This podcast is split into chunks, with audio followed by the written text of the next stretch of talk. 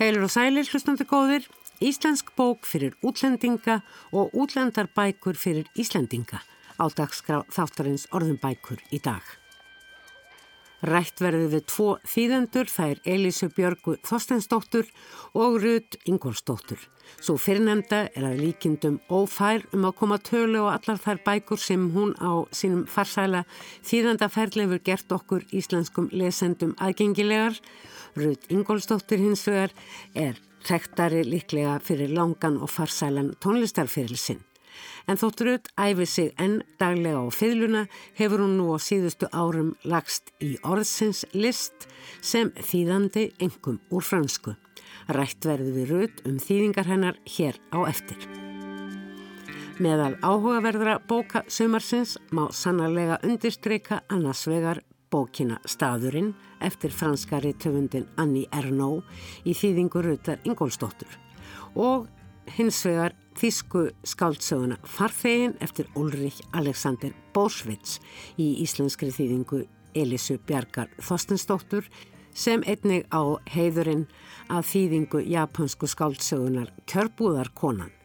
Magnús Guðmundsson ræður við Elisu undir lok þáttar. Við byrjum hins vegar í bókabúð forlagsins á Fiskislóð þar sem Una útgáfuhús blés til útgáfufögnuðar 5. daginn 9. júni 2022 þar sem fagnað var annari bók Karitasar Hrundar Pálsdóttur Dagatal.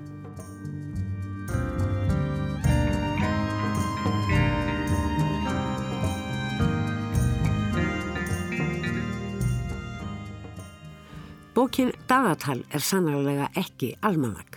Því eins og segir í engangi höfundarins Karitasar Hrundar Pálsdóttir þá hefur bókin Dagatal sögur á einfaldu máli að geima 91 sögu og teitillin Dagatal er margræður. Tal merkir jú bæði eitthvað sem er talið en líka það að tala og í bókinni er bæði talað um dagana og þeir taldir. Örsagnasafnið dagatal er sérstakt í flóru íslenskra bóka, ekki síður en fyrri bók Karitasar Árstíður. En útgifandin Einar Kári lísti einmitt þessari sérstöðu vel þegar hann bauð gersti velkomna til að fagna dagatali í bókabú forlagsins á 50 dag. Góðan daginn! Ég heiti Einar Kári Jóhansson og er útgifandi hjá Unnu útgáfuhúsi og ég ætla að bjóða okkur velkomin í dag. Uh, ég vil byrja því að óska Caritas innilega til hamingi með þessa bók. Það er alltaf strömpið að koma út bók og það er einhvern veginn, maður endar alltaf að reyta hárið sitt svolítið, sko. En þess er alltaf hann að koma inn. Fyrri bókinn hennar, Árstíðir, sem kom út fyrir tveim árum, hún sló rækilega í gegn. Ég veit ekki hvort að það hefði farið fram hjá ykkur, en hún er til dæmis kend víða. Við erum búin að senda þessa bók örgulega til allra byggilegra heimsálfa og mér finnst stundum eins og orðið frumkvöðl sem bara tengt tækni. Ef þú setur snjallkerfi í hárbusta þá ertu frumkvöðl, en það er líka, sko, Caritas að mínum að þetta er líka algjör frumkvöðl, vegna þess að hún sá tækifæri það sem aðri sáðu ekki. Það var engin að skrifa fyrir hóp sem þurfti auðvelda texta og vildi læra íslensku. Og það er samt ekki nóg að vera fyrir umkvöld vegna þess að þú þarfst að gera það rosalega vel til þess að það gangi upp. Og ég held að svona viðtökunar á árstíðum hafi sínt að þetta var vel gert. Og nú er Caritas búin að vera í doktorsnámi í uh, skapandi skrifum. Hún er röglega hvað, fyrsti eða allavega einn af fáum Íslendingum með svo háa prófgráðu í því og maður sé líka að hún er ennþá mikið að bæta sig svo að þetta verður bara betra. En ég ætla að kynna hennu upp á svið. Karitas, gjör þessu vel. Kæru vinir og velunnarar, sendi herra Breitlands á Íslandi og sendi herra Japans á Íslandi og aðri góði gestir Það er dástanlegt að sjá ykkur öll. Takk fyrir að koma og fagna með mér útgáfi bókarinn að dagatal sögur á einföldu máli. Eins og fram hefur komið þá er dagatal sjálfstætt framhald af árstíðum, örsagnasaf sem inniheldur stuttar og aðgengilega frásagnir. Ég skrifaði sögurnar með fullotna lesendur sem leggja stund á íslensku sem annar mál í huga. Þó eftirspyrn árs, árstíða síni glögt að fleiri geta haft gagn og gaman að sögum á einföldu máli. Það hefur verið mjög ánægilegt að heyra frá lesendum árstíða. Þeir eru á öllum aldri og búsettir jæft hérlendis og erlendis á Ítalíu og í Japan, Skotlandi og Kanada svo eitthvað sé nefnt. Og talandum það hvað það er gaman að heyra frá lesendum, þá langar mig að hvetja ykkur til þess að taka árstíðir sögur á Instagram og unu líka þegar þið deila myndum á samfélagsmiðlum úr útgáðahofinu. En mér langar að lesa fyrir ykkur nokkra stuttarsögur úr dagatali. Svo fyrsta er á getustegi 2. Það eru sex getusteg í þessari bók, einu fleira en í árstíðum, þar voru fimm getusteg. Hús og hýbíli. Hvað ætlað þú að verða þegar þú ert orðin stór? Ég var oft spurða þessu þegar ég var lítill. Sendibílstjóri, svaraði ég. Fólki fannst það skrítið svar. Ég hafði aldrei verið sérlega hrifin á bílum. Af hverju? spurði það. Svarið var einfalt. Mér langaði að fá tækifæri til að fara heim til ókunnugs fólks og sjá hvernig það bjó. Mér langaði að sjá hvernig húsgögg það átti, hvernig veggirnir voru litin, hvort það var teppi eða parkett á gólfunum, hvort það voru málverk á veggjunum eða píano í stofinni. Ég var forvitin krakki. Forvitnin mingaði ekkert með aldrinum. Núna svala ég bara forvitni minni á Pinterest og skoða blöð um innanhúsarkitektur. Að lokum saga og getist í fjögur. Í fjörunni. Kaldur vindur berst frá hafinu. Ég geng í grítri fjörunni. Á milli steinana sé ég eitthvað sægrænt. Ég begi mig niður. Þetta er bandspotti. Rusl. Ég næ í spottan, tek hann með mér. Ég stikla á steinum, það reynir á jafnvægið, nokkrir steinan að vakka undir fótunum á mér. Ég sé eitthvað kvítblakta í vindinum, þetta er plastpóki. Við hliðin á honum er lítið blátt prigg, sleikjóprigg kannski. Ég sting því ofan í pókan, þannig líka fína ruslapóka. Svo fattar ég að þetta er ekki sleikjóprigg, þetta hefur verið eirnapinni. Bómullin er farin af endunum Pinnanum hefur sennilega verið styrtað niður í klósett og svo endaðan hér. Í þaranum sé ég glitta í eitthvað blátt. Ég held fyrst að þetta sé annað prigg og beigi mig eftir því, en þetta er ekki rusl. Þetta er brotur bláskjel. Skjelin er náttúrulega blá. Ég kem auða á brúsa sem er í læginu eins og sósubrúsi frá E. Finnsson. Það hefur kannski verið koktelsósa í honum eða remólaði. Hvernig ætla hann hafa enda hér? Næst finn ég brot úr plastfötu. Á brotinu er mynd af jarðaberi. Einu sinni hefur sennilega staðið á henni jópe sultitói en nú stendur bara jó og tetói. Ég veldi fyrir mig hvort að sé hægt að kaupa þessa sultutegund á Íslandi. Ég held ekki. Við næsta stein er málmbrúsi. Stafinir utan á honum tilhæra stafrófi sem ég get ekki lesið. Brúsin er illa farin. Hann hefur sennilega ferðast langt. Getur verið að þetta hársprey, eða hvað þetta nú er, hafi flotið til Íslands alla leið frá austur-Evrópu. Ég sest á stein, horf út á hafið, brímið er fallegt, stórar bylgjur kastast upp á ströndina, hljóðið er notalegt, róandi.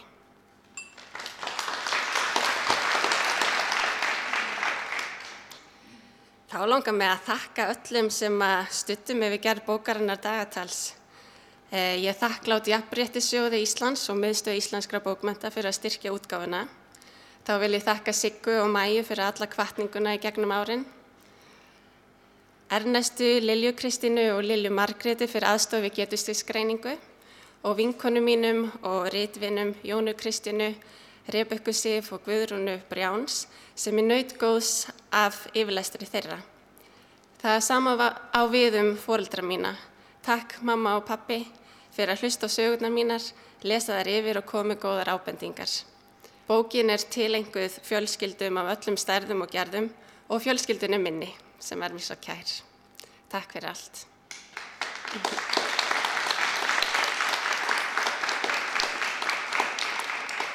Ég er nú bara rétt að byrja, ég þarf að þakka svo mörgum. Því nú vil ég þakka Unu útgáfuhúsi fyrir ánægilegt samstarf og fyrir framkvæmda gleðina. Við lögðum til dæmis í gerðirnar metnar fylstu hljóðbókar Íslandsögunar. Eh, við gerðum hljóðbókar útgáfunar af árstíðum. Við letum okkur nefnilega ekki næja einn lesara eða tvo, heldur fengum hvorki meirann í minna en tólf lesara til að gera sögum árstíðaskil. Lesararnir eru öllum aldri og með ólíkan bakgrunn og sína svo vel að íslenska er alls konar. Takk kærlega fyrir að taka þátt í hljóðbókar æfintyrinu með okkur.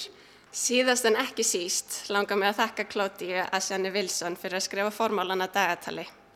Þó ég hef lagt stund á íslensku á háskólastegi og búið Erlendis og lært önnur tungumál sem annamál, hef ég sjálf enga reynslaði að læra íslensku sem annamál. Það er því dýrmætt að Klótia var til í að ljá bókinu rött sína, deila með lesendum reynslu sinni af íslensku námi og gefa þeim góð ráð. Kládja kunni enga íslensku þegar hún flutti til landsins 2001 en afreikaði árið 2016 að verða fyrsti einstaklingurinn fættur utan Evrópu og fyrsta konan af erlendum uppruna til að öðlast lögmannsréttindi á Íslandi. Kládja er virkilega flott fyrir mynd. Mér langar að byggja Kládju um að koma hérna upp á svið til mín.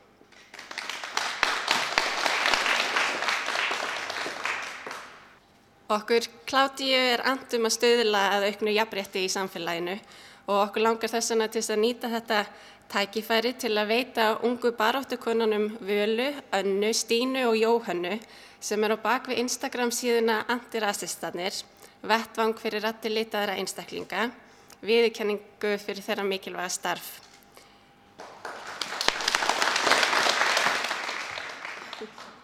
Og þá er komið að því hún Elín Hall, tónlistarkona, ætlar að flytja fyrir okkur nokkur lög.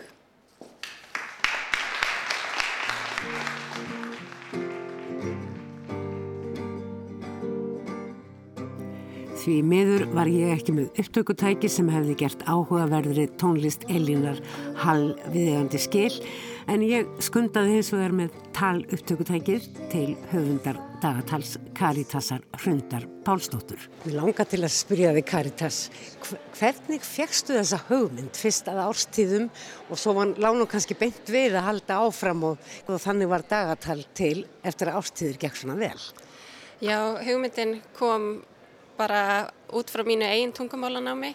Eh, ég lagði stund á íslensku eh, á háskólastegi en svo hef ég líka lagt stund á japansku sem annamál og önnur tungumál og í mínu tungumálanámi hef ég fundið hvaða gott að sé til taksti á réttu getistegi þegar maður er að taka þessi fyrstu skref og þannig að maður geti um, bætt sig stöðugt og líka þetta sé ekki óyfirstíganlegt að maður geti lesið bara stutt að sögu og klára hana og áður um að veita af en maður búin með heila bók og það er svo stór þessi fyrstu skref eins og ég mann þegar ég var að læra japansku, vá, nú er ég búin að lesa heila smásögu á japansku, ég þurfti að búta hann alveg niður en ég las heila smásögu á japansku með öllum þremur flóknu stafrónum og öllum meðtöldu um, þannig já og svo fór ég að kenna íslensku sem annamál líka og þá fann ég að það var þörf sagt, fyrir þessu, fyrir þá sem að læra íslensku. En svo fórstu líki reytlist, er það ekki? Jú, e, árstíðir skrifaði ég sem meistaraverkefni mitt mm. í reytlist í Háskóla Íslands. Þannig ég nýtti lokaverkefni þar mm. í þetta. Þannig að orðin eh, eru þér kær og þið finnast þau áhugaverð bæði sem tungumál og sem skapandi afl. Heldur betur. Um, tungumálið er svo frjór í arvegur uh, eh, og örsagnasformið, uh, form örsögunar svo kjörið fyrir um, þá sem er að læra tungumál. Og að hverju ert að vinna í doktorsnámiðinu? Í doktorsnáminu er ég að vinna smásagnasafni uh, um snúbúa sem er fólk sem snýr aftur eftir að hafa búið Erlendis tímabundið. Mjög spennandi. Hjartanlega til það að leipa þið til þess að áreita bókina. Takk.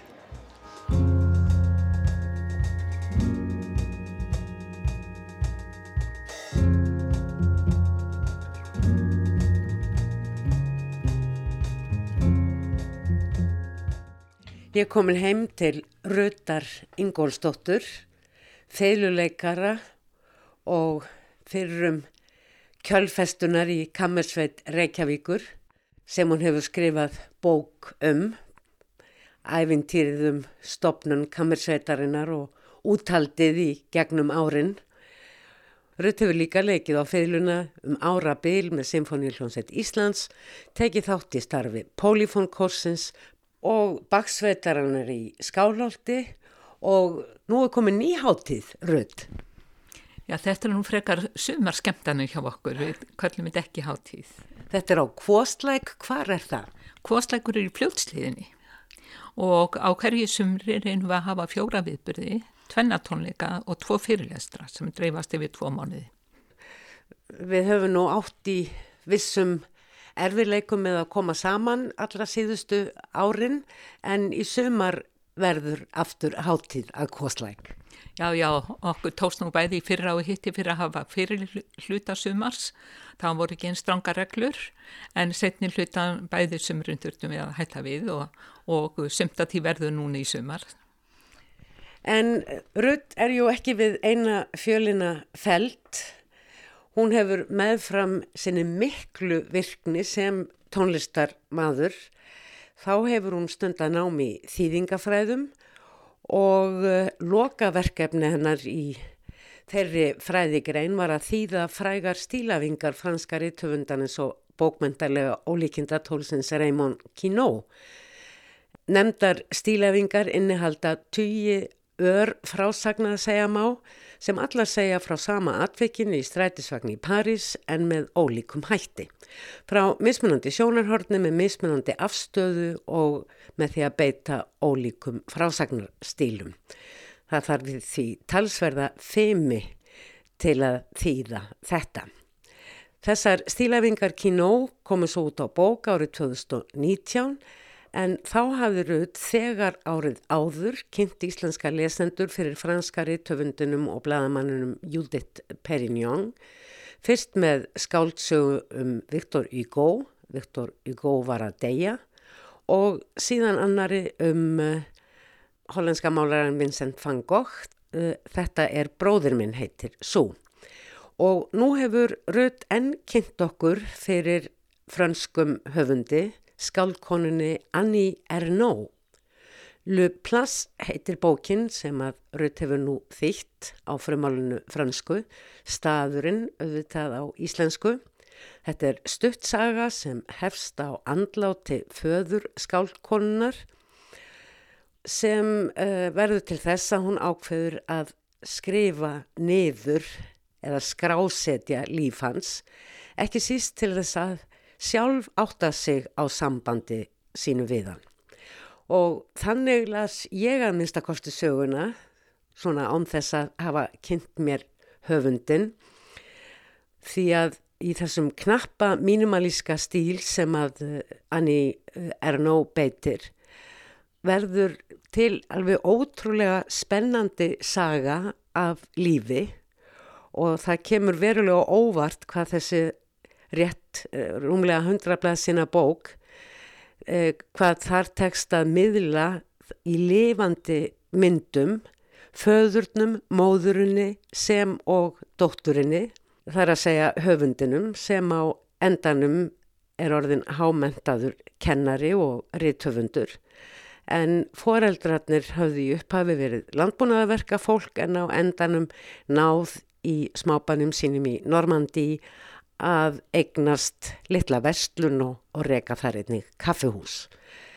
Sagan veitir mjög djúpa insýn í franst stjættasamfélag um leið og þetta er personusaga því hún fjallar vissulega líka um lífsamingu, um jáfnvel samviskubitt, samskipti, væntumþykju og væntingar.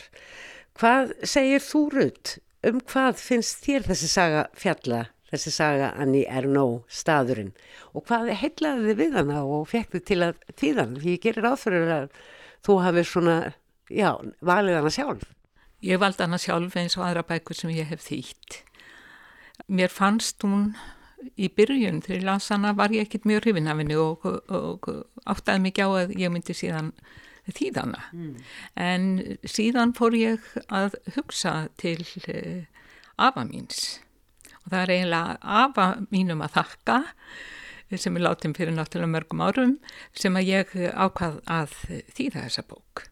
Og það er vegna þess að hann, afi minn, Guðbrandur Guðbrandsson, var bondi og verkamæður eftir hann flutti til Reykjavíkur og síðan faði minn var hins vegar uh, velþektur Ingólfur uh, bæði fyrir uh, kennslu sína og kórstarfið með pólumhóngkornum og síðan ferðarskristóna útsýn og allan þannregstur sem hann stóð fyrir og kynnti Íslendingum heiminn.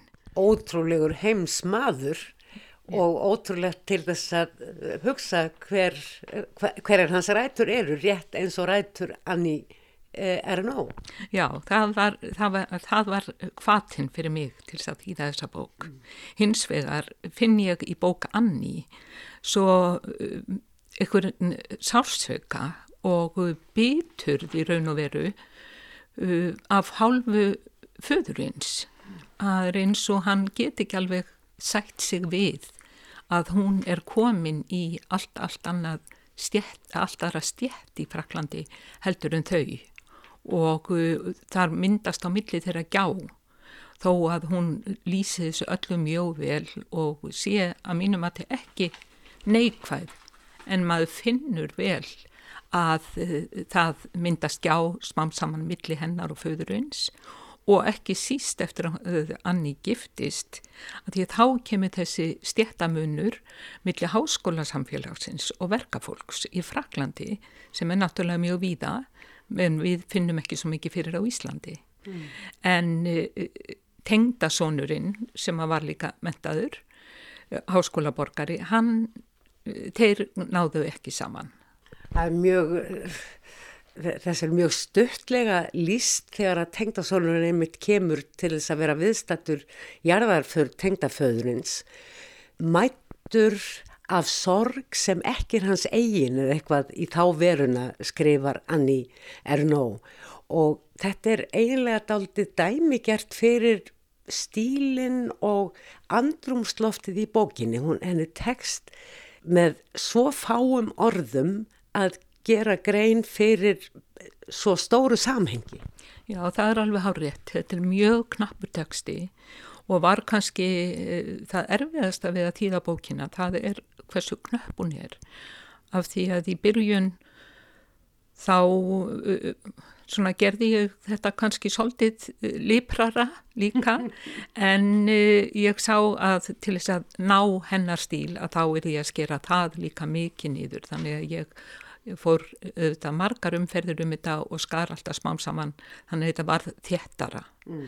en það er líka margt í þessu það eru allskyns uh, þessi ykkur tilfinningabóð sem hún sendir. Maður finnur eitthvað svo margt undirlikjandi í tekstanum hennar. Hann er þannig skrifaður að maður skilur þó að sé ekki allt sagt. Það sem ég hjó eftir eh, að væri svo óvenjulegt við þessa framsetningu á uh, stjertskiptingu var að alla jafna uh, þá uh, er í skáldsögum og smásögum stjertskiptingu oftast nær líst út frá því hvað þeir sem eru af lagri stjertum hvað þá skortir mm. ekki síst í efnislegu tilliti hér er virkilega lagt sig fram um að lýsa tilfinningunum sem að já, þessi uh, skortur og kannski einhverjum og sérlega á tækifærum og opnun gagvart heiminum eh, hefur í förmið sér en það er ekki gert lítið úr þessum tilfinningum. Nei, alls ekki. Hún, hún fer mjög vel með þetta hún tekur mikið tillit til pappa síns og hún virðir hann mjög mikið þó að þau fjarlægist náttúrulega því að það myndast þessi gjá eftir að hún fer yfir í, í að, allt aðra stjætt eftir að hún er farin að menta sig. En hún ber alltaf virðingu fyrir honum. En það er sem sagt sérstaklega kemur, finnst mér í gegn þetta með tengdasonin, að því þeir náðu enga veginn saman. Þó þau töluðu sama tungumál, þá var það ekki sama tungumál. Nú myndist ég á að þú hefur þýtt uh, nokkrar bækur til viðbótar. Kino hefur uh, vissulega hlýtur að hafa verið talsverður höfðuverkur að ná þessum sérstæða stíl hverrar og einnar frásagnar af manninum í, í strætisvagninum í París þannig að, að viðkomandi teksti væri ólíkur öllum öðrum en einnig bækur Judith Perignon það eru meira flæðandi frásagnir heldur en til dæmis þessi bók Ég hrefst alveg eh, gífurlega fyrir bók eh, Judith Perignon sem ég týti sem að er bókin um bræðuna, Fangokk bræðuna. Já, hún kom út á undan. Hún kom út á undan og var fyrsta bókin eh, sem ég gaf út í minni þýðingu því að ég vild ákvað að láta uh, kunnu býða að því að það var lokaverkefni mitt og ég ákvaði að láta líða heilt ár frá því að uh, ég lauk því þanga til ég endur skoðaði þetta alls saman, breyti kannski ekki miklu en fór vel yfir allt áður en ég gaða út. En í það sem að mér finnst svo skemmtilegt við Judith Perignon er að hún er upphaflega bladamadur og sjónvarpskona og hún tekur þetta, uh, hún leggst í brefasöfnin millir þeirra bræðuranna, þetta er allt byggt á brefum þeirra sem eru í safninu í Amsterdam hún, og hún er mjög þekkt fyrir uh, þekkingu sína á þeim. Ég hef séð til dæmis uh, mynd í sjónvarpi þar sem á faraðum svæðin sem Vincent van Gogh bjó og hún er uh, þar fenginn til þess að segja frá. En uh, það sem að mér fannst sérstakt í bókinu um Viktor Hugo var að deyja, það er uh, uh, hraðinn sem að hún nær í tekstanum um hvernig uh, fréttin berst um París. Og þess vegna ákvaði ég að að láta hann að heita á íslensku Viktor Hugo Varadegja en ekki Viktor Hugo Látin eða eitthvað slíkt til þess að reyna að ná þessum hraða sem að hún er sjálf. Mm og, og það var svolítið vandaverk að, að reyna að finna einmitt hraðan í frásögninni. Eitthvað snert já, bara svona hvernig röðning já, hún, uh, sko fréttin hún bara flög strax um alla borg. Og ég var að reyna að ná þessum hraða mm. í tekstanum líka. En mér finnst svo bók mjög merkileg Hún stýðist náttúrulega við lauruglu, bækur og skjöl og allt í sambandi við jarðaföruna. Viktor Hugo var miklu, miklu meira heldur en skáld. Hann var svo mikil pólitíkus, hann var satt á tingi, hann fór í útlegð. Eh, hann er þvílik persona í Fraklandi mm. að bara alla 19. öldina og mér finnst þú ná svo vel utanum þetta þó þetta sé um andlátans mm. og jarðaföruna þá er komið svo víða við í bókinni að maður átt að segja á hvílik persóna hann var. Hann fer til dæmis með barnabötnin sín til þess að leifa þeim að sjá uh, frelsistittuna sem hann var uh, gerði í París mm. uh, steift í París og hann fer með þau á verkstæði til þess að lefa það að sjá hann áður en hann sendir yfir, yfir til Ameríku.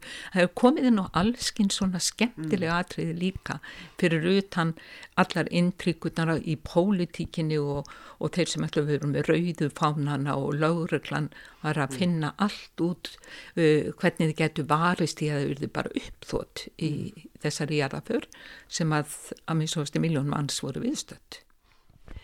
Þetta er náttúrulega mjög ólík aðferðarfræði og framsetning þegar við hugsaum til sögu Annie eh, Ernaux sem að eh, hefur jú skrifað um það byrj 20 bækur eh, samkvæmt Wikipedia.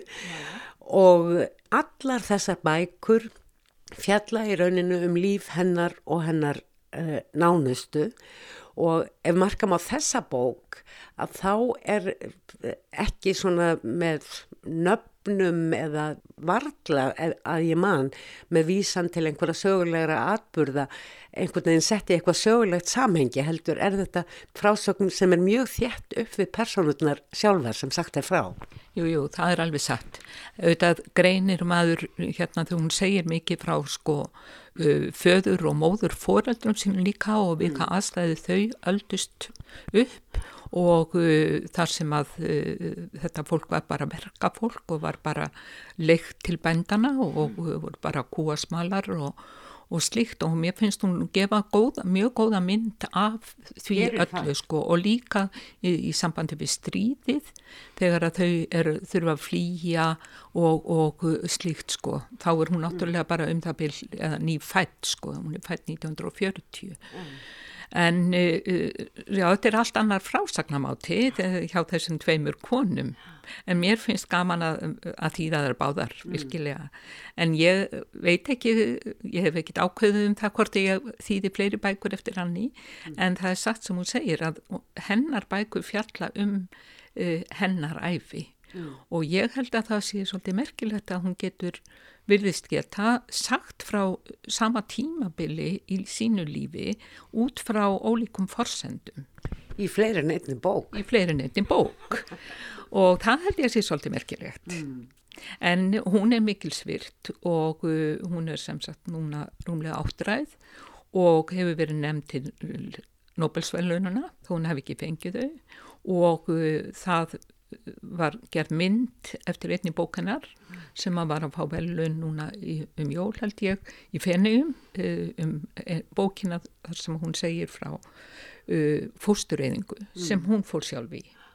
Og á þessum tíma þá var það við lög að fara í fóstureyðingu í Fraklandi þannig að hún, hún eh, gefur út bók og, og segir alveg frá því og nú búið að gera bíómyndum þetta eins og segir, hún er mjög virt og hefur fengið ótal verðlun. Eh, Hún hefur líka verið gaggrind fyrir að segja bara frá sínu lífi.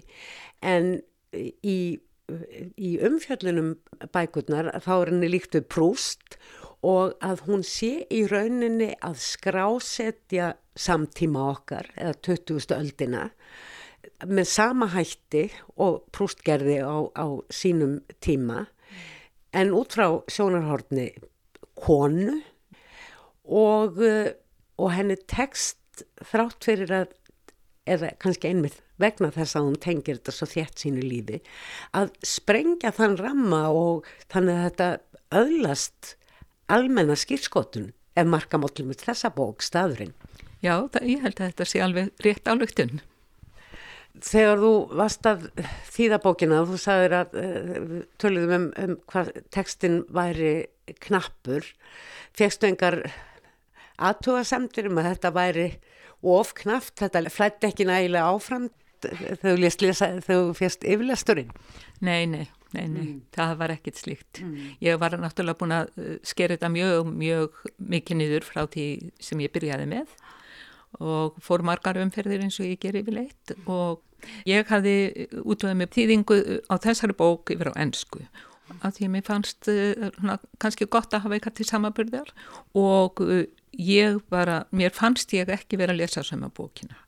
Þar var búið að bæta inn í mjög miklum svona samtengingum, sögnum eitthvað til þess að gera uh, þetta auðveldari texta og það var þá sem ég áttaði mig á að ég er því að vanda mig ennþá betur með þennan knappastíl og tók mig til og, og tók mikið út af því sem að var fyrir hjá mig. Því að það er ekki bara orðin sem að eru þýtt og vissulega alltaf líka einhver tíðarandi, það er líka beinlinni stíl. Stílinn er náttúrulega mjög mikilvægur, mjög mikilvægur. Og eh, fannst þér í þínu námi í þýðingafræðinu þú fá eh, haldgóða leiðsök til þess einmitt að þýða, þetta eru jú mjög ólík verk og þýðendur þurfa að eh, ofta takast á við mjög ólík verk. Nú nýtur þú þeirra forréttindi eða tekur þér þau að þýða aðeins það sem að því sjálfa langar til þess að eh, þýða.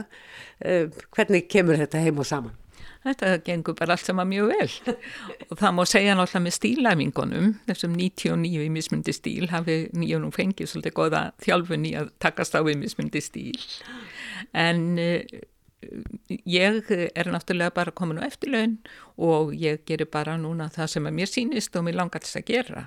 Þannig að ég, þó mér hafi verið ég hafi verið beðin um að þýða einhverja bækur þá hef ég ekki tekið að mér af því að ég vil bara þýða það sem ég hef virkilega náhuga. Mm. Bæði sem ég finnst gaman sjálfrið að glíma við og, uh, og líka sem ég finnst eiga erindi.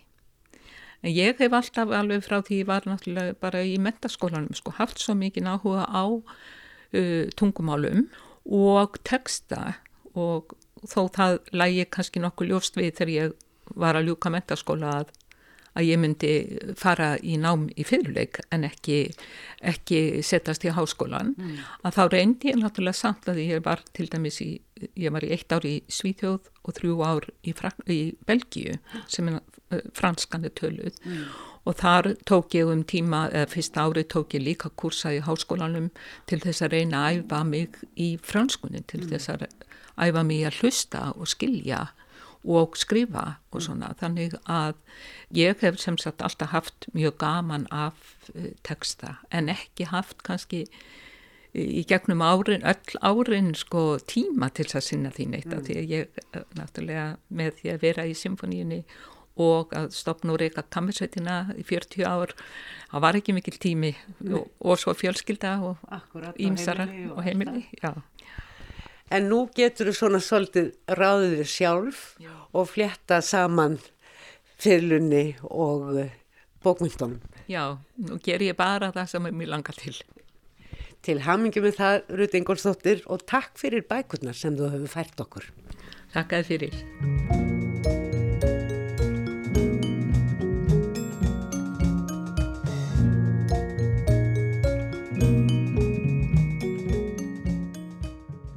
Það er góður gróandi í útgáfu erlendra bókmenta á íslensku um þessar mundir.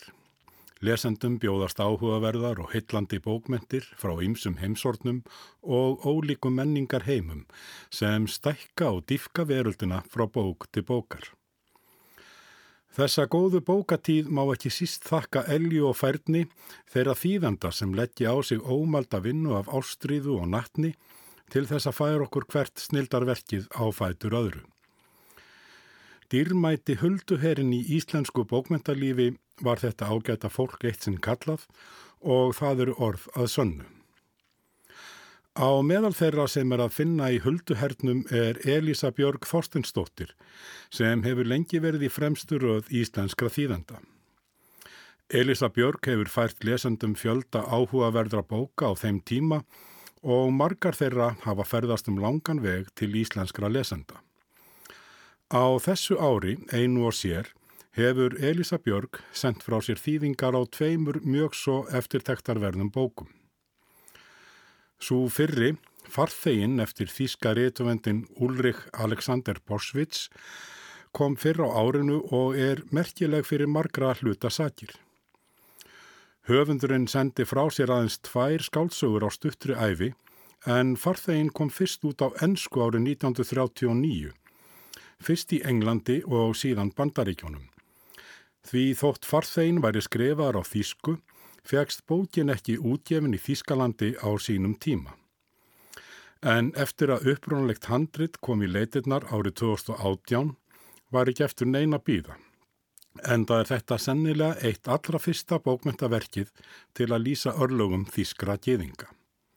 Setni bókin sem Elisa Björg hefur fært lesendum á þessu ári er hins vegar af allt öðrum toga.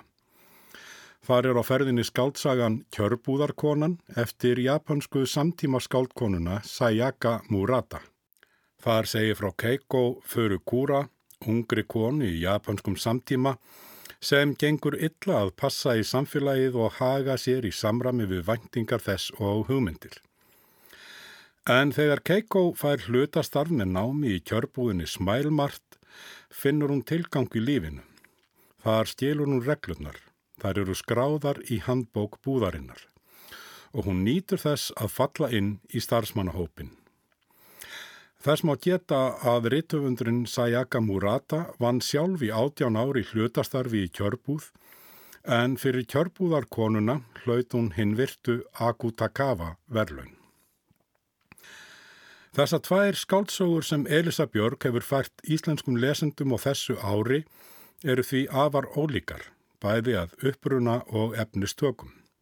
Og áður en við byggjum hana um að skoða kjörbúðarkonuna eftir Sayaka Murata aðeins nánar, mátti ég til með að forvitnast um hvernig það væri að takast á við tvö svona ólík bókmyndaverk og menningar heima. Það var nú eiginlega merkilega bara, ég vil nú ekki segja kannski auðvelt, en það var ekki eins erfitt eins og maður hefði mögulega haldið og kannski svona svolítið kvild hvað frá öðru, þannig séð. Og ég var aldrei slik og vant að því það er eiginlega samtímis, yfirleitt ger ég það nú ekki, heldur tek bara eina og klára hana. En þarna var ég svolítið að bauka við báðar uh, í einu, það bara vildi þannig til og það var eiginlega bara ekki eins uh, erfitt eins og ég segja, eins og ég hefði kannski fyrirfram haldið.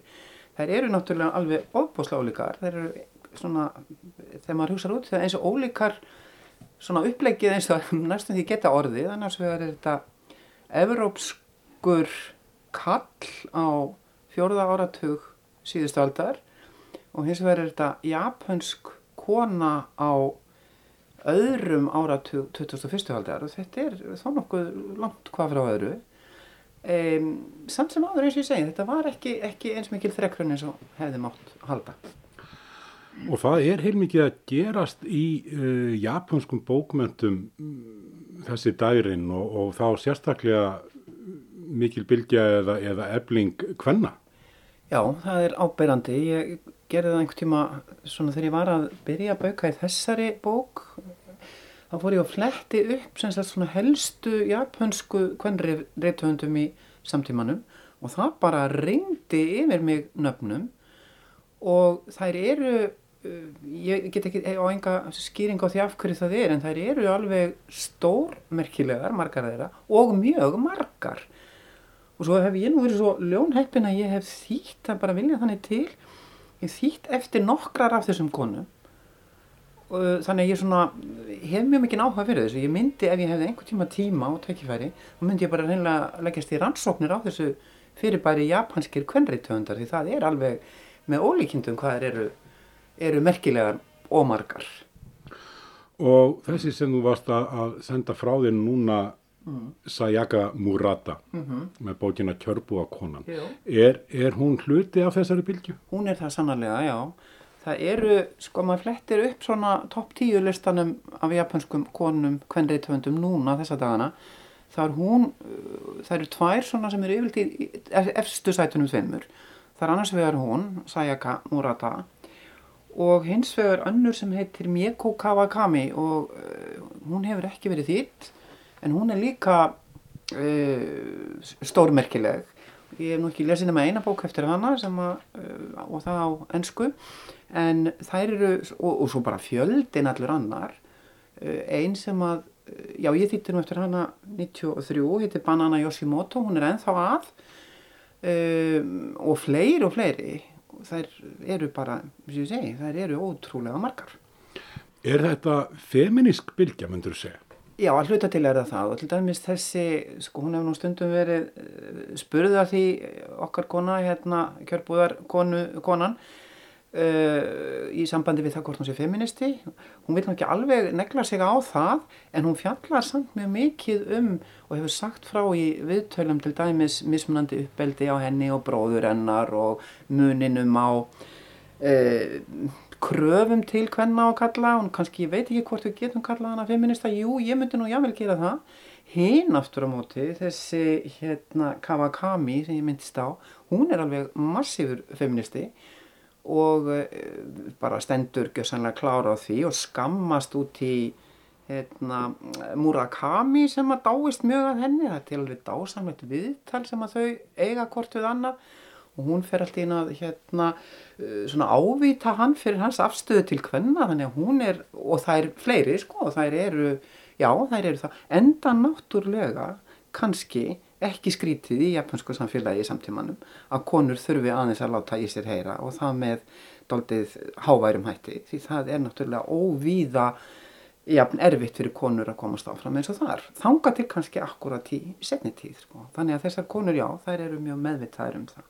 Þessi bók Kjörbúðar konan þarna segir frá uh, ungru konu í háskóranámi sem að hefur aldrei alveg svona fundið mm. sinn stað í samfélaginu. Mm. Er sér auka vinnu í, í Kjörbúð, mm -hmm. svona hálgerðir sjöppu. -hmm. Og þar fær hún loksins handbókina og búningin og fellur inn í samfélagi, hún finnur sinn stað. Já, hún finnur sinn stað og sitt hlutverkur en að vera vegna þess að hún hérna, já hún segir það í, í, í bókinni eitthvað staðar að þarna hafa hún loksins fengið handbók um það hvernig hún eigi að haga sér. Og hún gerir það mjög meðvitað að stæla samstarfskonur sínar, hún kaupir sér eins född, hún talar eins, hún er með sömu svipriðin af því að hún er, fellur annars ekki að norminu og henn er það mjög meðvitað. Og fjölskyldannar hefur alveg frá því hún var krakki sagt henni að hún, eða svona gefið henni allavega mjög skýrtið kynna að hún væri ekki eins og allir hinnir og það þýrti að lækna hana í gæsalöpum sem er ofsalega sorglegt líka vegna þess að það, hún er öðruvísi og hún, henni er það meðvitað en hún veit ekki alveg hvers vegna og veit ekki hvernig hún á að komast út úr því nema með því að stæla aðra. Hún lætur, hún á yngri sýstur sem að býr til eiginlega svona uh, já, hlutverk fyrir annars þannig að hún leikur út á við að hún sé allt önnur en hún í rauninni er þannig hún er alltaf að reyna að aðlaga sér samfélaginu en vill það samt í raun og veru alls ekki sko. þannig hún er mjög, mjög svona ásaldið erfitt með það Og þráttur að þetta sé svona ákallega uh, japansk bók, japanskur heimur að þá uh, er þetta saga sem á fyllilega jafn mikil erindi til okkar í á vestunand? Það finnst mér líka, hún er, hún er vissulega mjög japansk og, og, og hérna ímislegt sem kemur hérna fram sem að er alveg dæmigert japansk en það er líka eins og bara þetta að hérna ég menna líka hér hjá okkur og út um allan heim er fólk sem er að kljástu það það fellur ekki alveg að öllum normum og það, hvernig á það að koma sér út úr þeirri stöðu, það er eitthvað sem er bara al, alveg þjóðlegt og allstaðar og það sama á við um hana sko. Akkurat og þetta er feikilega vel skrifað. Það finnst mér, minnst hún alveg dæmalust vel skrifað þessi bók af því að hún er, það er nú reyndar sko í sumum umfjöllunum verið talað um uh, hvað stílinn sé flatur og, og svo framveit það má svo sem alveg segja það, það getur vel verið hún er ekki með neinar, neinar flugveldasýningar þannig séð í stíl sko. En mér finnst hún ofbóðslega vel skrifið, hún er, hún er hérna og vel uppbyggð einhvern veginn, það er, hún er alveg snildarlega að gera þessi bók, ég er náttúrulega ekki óháð. Nú nefnir uh, Kristín Ingvarsdóttir, lektor í japanskum fræðum við Háskóla Íslands, mm. hún er ytta stjæmtilegan eftirmála og hún uh, nefnir þessa stúdíu sem að hefur farið mikið varðið þessa bókvorta hér sé á ferðinni útópía eða dystópía. Hvernig Já. sér þú það, þá stóru spurningu? Já, sko, ég var nú einmitt að lesa viðtal við einhverja konu um þessa bók bara núna nýlega. Og svo sagði að hún vildi alls ekki líta á þetta sem dystópíu, heldur þvert á móti sem útópíu, hérna, sem sagt, bjartsýnisbókmyndir í raun og veru um það fyrir fólk eins og okkar konu, Keiko, að komast þangað sem henni líður vel þannig ég veit ekki, ég er, get alveg skrifað undir það að þetta sé kannski frekar útópist heldur en dystopist sko. og jáfnvel þróska sagja á já, hennar hátt. já, jáfnvel það sko. Það var nú líka í einhverju viðtalinu verið að tala um já, það hún uh, það ekki engum breytingum hún þróskaðist ekki, það er engin breyting á persónuleikunum, það finnst mér ekkit rétt. Og svo er líka annað og það er það er það eindilega nöðsynlegt þurfa allar bækur að, eða allar sögur að uh, sko, segja frá breytingum má ekki bara lýsa status quo sem er í rauninni samt ekki tilvikið þessari, þessari bók því það gerist mjög margt og það breytist ímislegt þannig að já, ég veit það ekki ég alveg erfitt með það flokkana en, eh, en ég myndi frekka lítið á hana sem bjartsinnis bók en svartsinnis nú meðum við ekki segja neitt um endan náttúrulega, það er alveg harbannað. Það er sjálfsögðu harbannað en, en Múrata uh, nefnir sjálfa þegar hún var að skrifa hana mm. þá hafði hún ekki vitað hvernig hún endar og það er bráðspennandi mm. og það er líka heilmikið humor í þessari bók. Ja, það er alveg feikilur humor í þessari bók, hann fer ekkert endilega sko mjög hátt, hann er þarna undirlikjandi og stundum bara hreinlega hlóið sko upphátt. E, þetta með personurnar og, og hérna söguþráðin, hún hefur í viðtali líka sagt það að hún byrji alltaf, þetta er nota benni hún hefur skrifað með minnir 11 skáldsögur Þessi er svo fyrsta sem var þýtt á ennsku 2016 en hún segist alltaf búa fyrst til personutnar og byrjið svo bara að segja frá þeim og hún viti í rauninni ekkert hvernig fer fyrir þeim. Og ég hef nú kannski svona pínu lítið erfitt með að ímynda mér að maður sittist niður sem sko skaldsagna með sína tóltu bók og búið bara til nokkrar personur og byrjið svo en þetta segir hún og ég má náttúrulega ekki reyngja það. E, þannig að hún segist, segist ekki það að vita til dæmis ég lesið bara eina aðra bók eftir hana sem heitir Earthlings og er gjör ólík þessari finnst mér og hún segist það er ekki að hafa að vita hvernig, hvernig færi fyrir personunum og það sama er öruglega hér sko, hún bara byrjar. Og lesendur geta bara lesið sér að hlaka til Já. að komast að því hvernig fer fyrir keiko? Nákvæmlega, nákvæmlega sko. Og við séum búin að gefa ímislegt í skinn og segjum ekki meir. Eða ekki þá að ljúka þess á því að heyra, fá þið til þess að lesa stuttan kapla úr bókinu? Já, býttu nú við. Það er nú það. Þetta er sem sagt að bláðsið 20 í bókinu, framarlega. Fóreldrar mínir vissi ekki hvað þeir átt að gera við mig en voru alveg jafn ástrykir við mig og áður. Það var aldrei ætlun mín að hryggja þau eða þurfa stöðugt að byggjast afsökunnar á hegðun minni svo að ég ákvað að segja sem minnst þegar ég var að heiman. Ég hætti að gera nokkuð að eigin frumkvæði og aphaði annarkvort eftir það sem aðrir gerðu eða fór einfallega að fyrirmælum. Eftir þetta virtist fullorna fólkinu létt þegar ég sagði ekki aukatekið orð umfram það sem óhjákvæmilegt var og gerði ekkert ótil kvött. Þegar ég eldist var þetta hæglæti mitt þó bersinilega vandamál í sjálfu sér. Frá mínum bæjardirum séð var það að halda mér saman skinsamlegasta leiðin til að komast af. Mér að segja þegar kennararnir mínir skrifuðu í skólaumsögninni að ég ætti að eignast fleiri vini og leika mér meira úti þrjóskaðist ég við að segja ekkert nema það al nöðsynlegasta. Littla sýstir mín Asami sem er tveimur árum yngri en ég var aftur á móti eðlilegt barn. Þrátt fyrir það reyndi hún aldrei að forðast mig, satt að segja dyrkaði hún mig. Öfugt við mig var sífælt verið að skammana fyrir einhver smávægileg asnastrygg og alltaf þegar það gerðist fór ég til mömmu og spurði hana hversna hún væri svona reið. Yfirleitt batt það enda á ákúrurnar og sýstir mín þakkaði mér alltaf fyrir eins og hún heldi að ég væri að vernda hana. Þar við bættist að ég var ekki sérlega sólkin í sætindi og leikvöng og gaf henni þau yðurlega svo að hún eldi mig á röndum.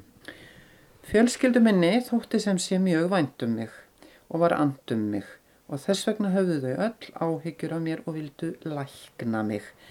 Ég man að ég heyrði foreldra mín að tala um hvernig hægt væri að fara að því og ég veldi því fyrir mér hvað það væri við mig sem þarnaðist lagfæringar og hvað ég geti gert í því. Fadir minn óg einu sinni með mig langar leiðir í aðra borg til að hitta sálfræðing. Sálfræðingurinn gerði því tafarlust skóna að eitthvert vandamál væri heimaferir en þannig var það ekki. Fadir minn var mildur og glalendur maður, vann í banka og hafði örugar tekjur. Móður mín var svo litið uppburðarlít til en afar ástrygg og litla sýstir mín elskaði mig. Fyrstum sinn skuluði auðsa yfir hana ástúð og svo sjáum við til hvað gerist. Var umbúðalauðs niðurstaðan og því lögðu foreldrar mínir sér alla fram um að ala mig upp af vandum þykju og varfærni. Ég egnaðist enga vini í skólanum en mér var ekki stríkt sérlega mikið eða ég lögði í einelti og mér tókst að komast í gegnum grunnskólan og framhaldsskólan á þess að segja neitt óviðeigandi. Eftir að ég útskrifaðist á framhaldsskóla og byrjaði í háskólanum breyttist ekkert. Yfirleitt var ég ein í öllum frístundum og talaði ekki einslega við nokkurt mann. Ég síndi aldrei aftur þá haugðun sem hafi valdið öllum vandraðunum í grunnskóla en enga síður höfðu fóreldrar mínir áhyggjur af að ég myndi ekki lifa af í raun, raunheimum. Og þannig varð ég fullorðin í þeirri trú að ég þyrti á lækningu að halda. Elisa Björg Þorstóttir þýðandi. Takk kjærlega. Takk fyrir mig.